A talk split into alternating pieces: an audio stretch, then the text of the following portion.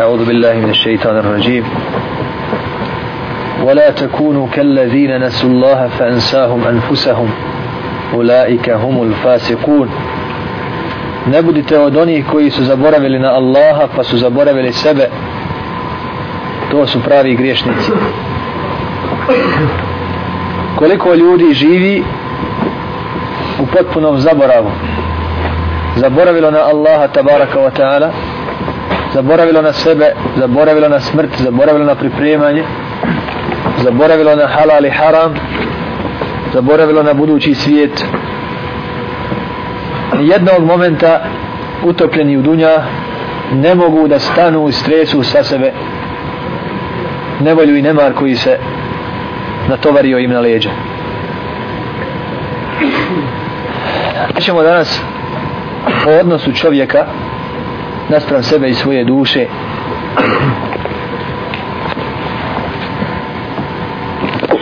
osnovna odnosa koja čovjek treba da sa sobom vodi ali učenjaci ahlaka i rekaika proširuju to i na šest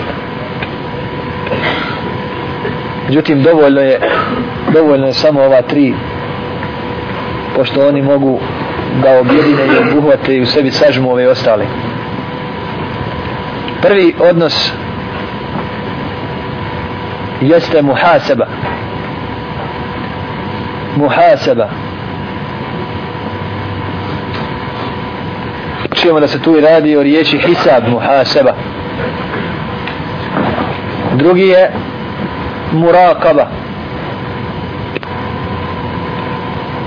Allah žele šanuhu je rekib, onaj koji motri, znači murakaba.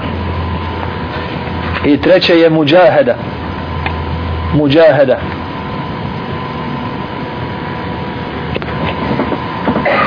Allah žele šanuhu u ajetima poziva nas. Resul sallallahu alaihi wasallam u hadisu također pa kaže حاسبوا أنفسكم قبل أن تحاسبوا Sviđajte račune sa svojim dušama prije nego vam se bude uzimao račun prije nego drugi vam budu obračun pravili sure niti ima stanice u Kur'anu da nema nešto u ovom značenju tako kaže uzvišeni jaume teđidu kullu nefsim ma amilat min hajrim muhdara وما عملت من سوء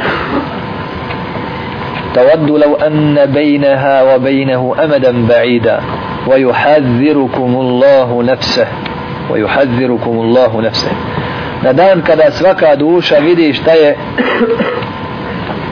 od dobra pripremila prisutno i ono što je od zla pripremila nađe prisutno i poželi da je između nje i onog zla koje dođe emeden ba'ida, velika razdaljina. Wa yuhadzirukum Allahu nafsa.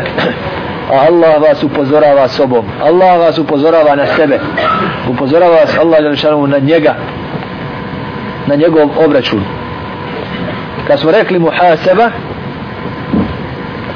to znači da čovjek prati svoja djela prati svoje vrijeme prati svoje poslove šta mu snuje duša šta mu na um pada porazmišlja da čini čime je zaokupljen na koncu čime su mu zauzete ruke, jezik i noge te svako onaj ko bude sa svojom dušom znate onaj ko sa svojom dušom bude sviđao težak račun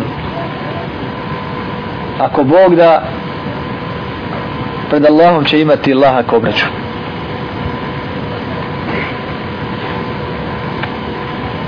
a svako onaj ko prema svojoj duši ne bude imao obračuna, ne bude sviđao račun ili bude to činio površno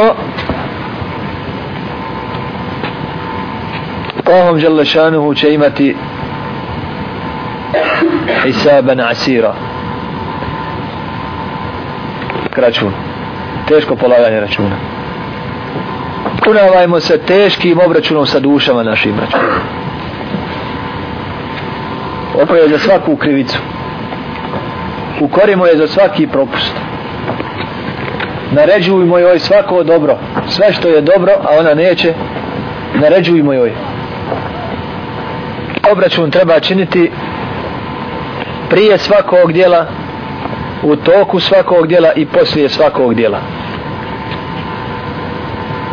Allah žele šalimu nas na to poziva pa kaže يا أيها الذين آمنوا اتقوا الله ولتنظر نفس ما قدمت لغد O vjernici, bojte se Allaha i neka svako pogleda šta je za sutra pripremio. To je obračun. Da sad umrem, šta sam pripremio? Mi znamo da će, da će čovjek biti proživljen na onom dijelu na kom je umro. Svakog momenta smrt je moguća.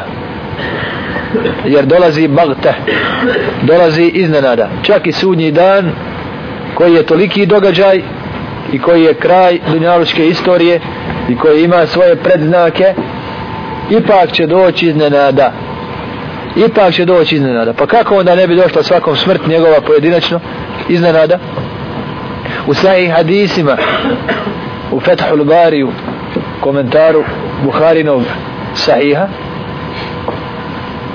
navedeni su hadisi gdje stoji da kad sudnji dan nastupi dvojica će razgrnuti platno da ga prodaju i niti će ga ovaj platiti odrezati uze se niti će ga ovaj smotati ponovo u trubu sudje dan halas